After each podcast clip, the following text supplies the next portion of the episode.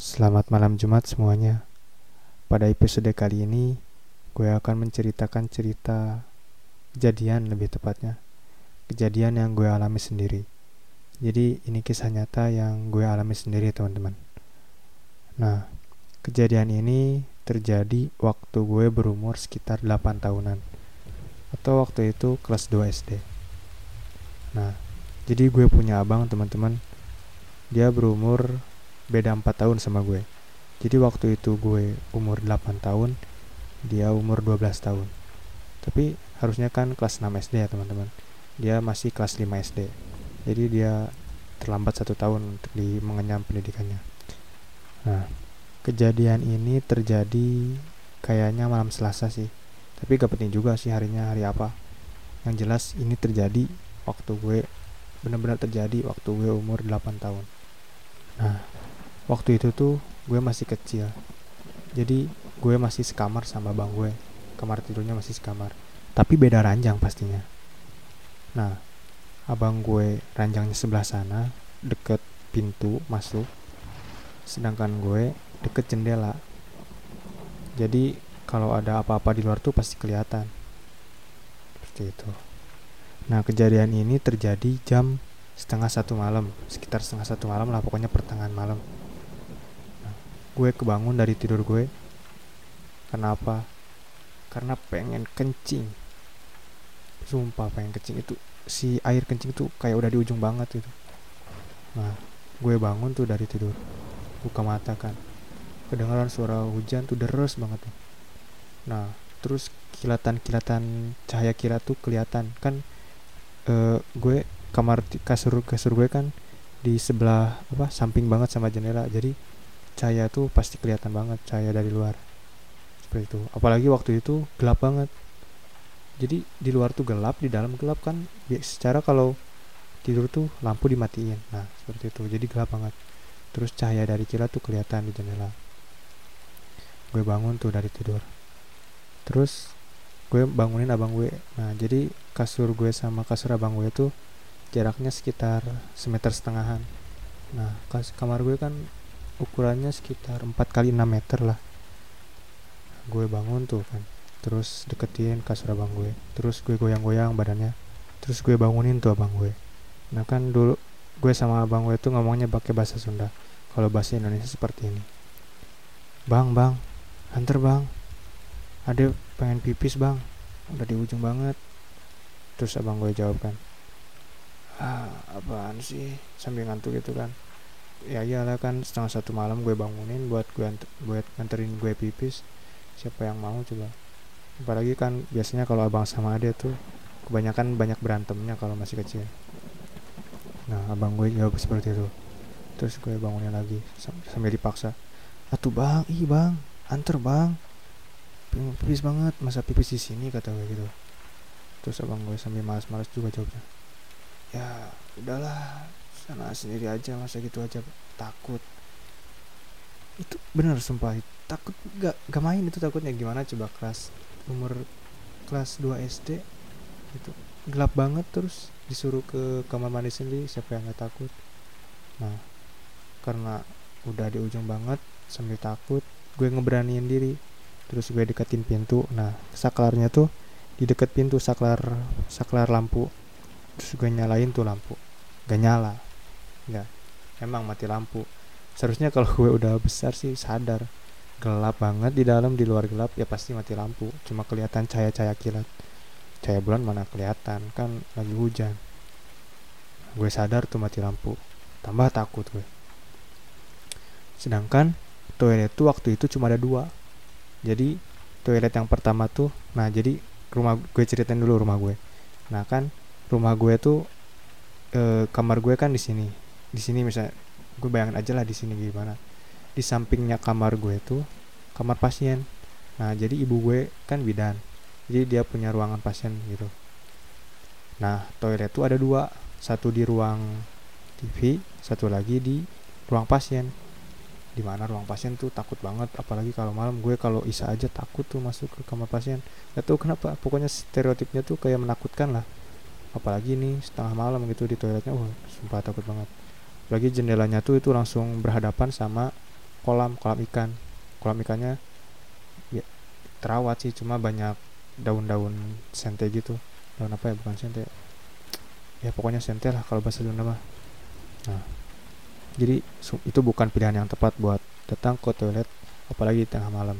Jadi pilihan gue satu-satunya cuma toilet yang ada di ruang TV nah jadi di seberang apa kan ini tadi kamar gue terus di sampingnya banget kamar pasien. Di depan kamar itu tuh ruang tamu di mana di tengah ruang tamu tuh jendela ada ukuran 3 kali 2 meter lah 2 kali 3 meter pokoknya cukup gede banget di tengahnya. Terus di seberangnya yang sejajar sama kamar gue tuh kamar bokap sama nyokap gue terus di sampingnya tuh kamar TV ruang TV nah di ruang TV ada kamar apa ada toilet sama di seberangnya ada dapur. Nah kayak gitu. Nah gue ngeberaniin diri kan tuh. Udah mastiin apa nyalain lampu tapi mati lampu. Gue beraniin karena udah gak, gak tahan apa gak kuat gak bisa nahan. Terus gue langkah dua langkah tiga langkah cahaya kilat datang tuh. Apalagi itu kan jendelanya gede banget. Jelas lah kelihatan cahayanya. Nah jadi si jendela itu di belakang jendela tuh ada sekat apa bukan sekat ya ada ruangan gitu sekitar 70 me, 70 cm lah gak lebih gak lebih satu meter. Apa kayak pembatas gitu antara rumah gue sama rumah tetangga. Kayak gitu. Terus di ruangan itu tuh gak ada apa-apa cuma tanah sama rumputan gitu. Nah gue tadi kan ngelangkah tiga langkah. Terus cahaya kilat datang tuh. Gitu.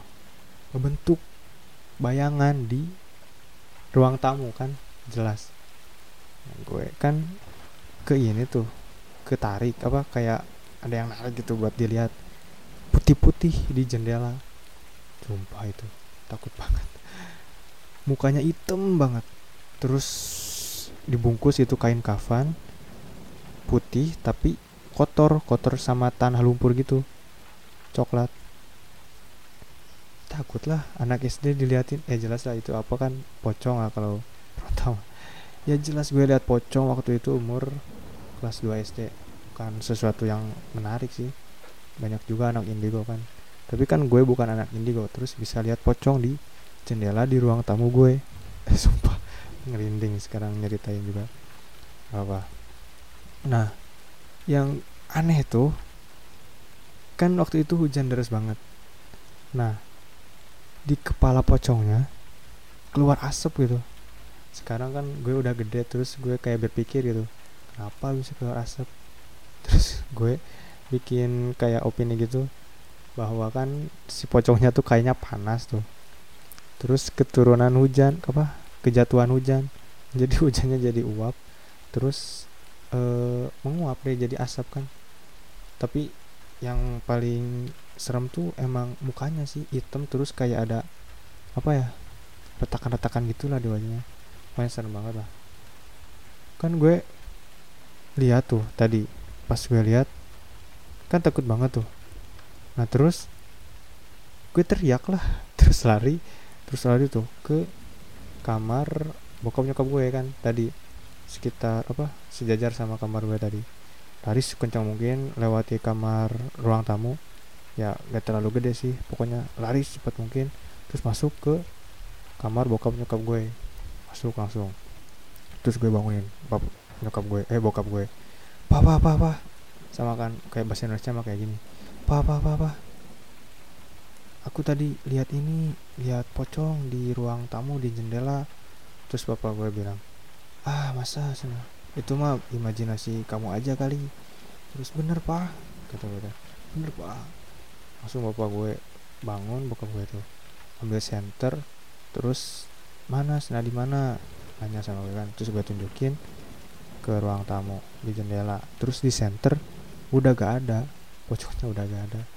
Itu emang kebanyakan kan gitu kan kalau hantu. Nggak apa datengin nunjukin diri. Terus kalau mau dikejar-kejar mau ditunjukin ke orang mau dilihatin malah gak ada emang sih hantu tuh emang pada jahil kayaknya. Nah terus bap bap kan bapak gue tadi bilang mana? Ah gak ada pocongnya. Itu kan imajinasi doang kata gue tuh. Ya kan emang tadi adanya apa? Kayak gitu gitu. Terus udahlah udah sana. Uh, terus gue bilang kan pengen kencing terus gue anter gue diantar sama buka gue tuh ke toilet tadi di ruang TV terus gue pergi ke ruang TV sambil disenterin tuh gue kencing. Wah lega banget kan keluar kencing. Sambil disenterin. Lama tuh kencingnya kan biasanya emang gitu kan kalau ditahan lama-lama kencing jadi keluarnya lama. Wah bukan keluarnya lama banyak lah jadi lama kencingnya. Sudah lega terus gue diantar ke ruang gue ke kamar gue. Terus gue diselimutin terus ditidurin lagi.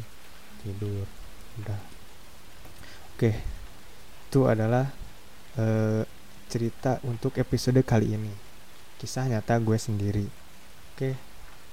Uh, sekali lagi gue ingetin uh, gue tunggu kisah-kisah apa kejadian-kejadian dari kalian semua. Baik itu kisah nyata lu sendiri atau bisa kisah nyata uh, bokap atau nyokap lu atau teman-teman lu. Pokoknya kalau lu punya cerita horor lu bisa kirim ke Instagram gue DM di @rainaldi_alaziz R A I N A L D Y A L A Z I Z gak pakai koma gak pakai spasi gak pakai titik semuanya huruf kecil. Oke terima kasih semuanya sudah mendengarkan podcast pada episode kali ini. Oke sebagai penutup gue mengingatkan kembali mereka ada di mana-mana. Mungkin sekarang mereka ada di pojok-pojok rumah kalian atau bahkan di samping tempat tidur kalian.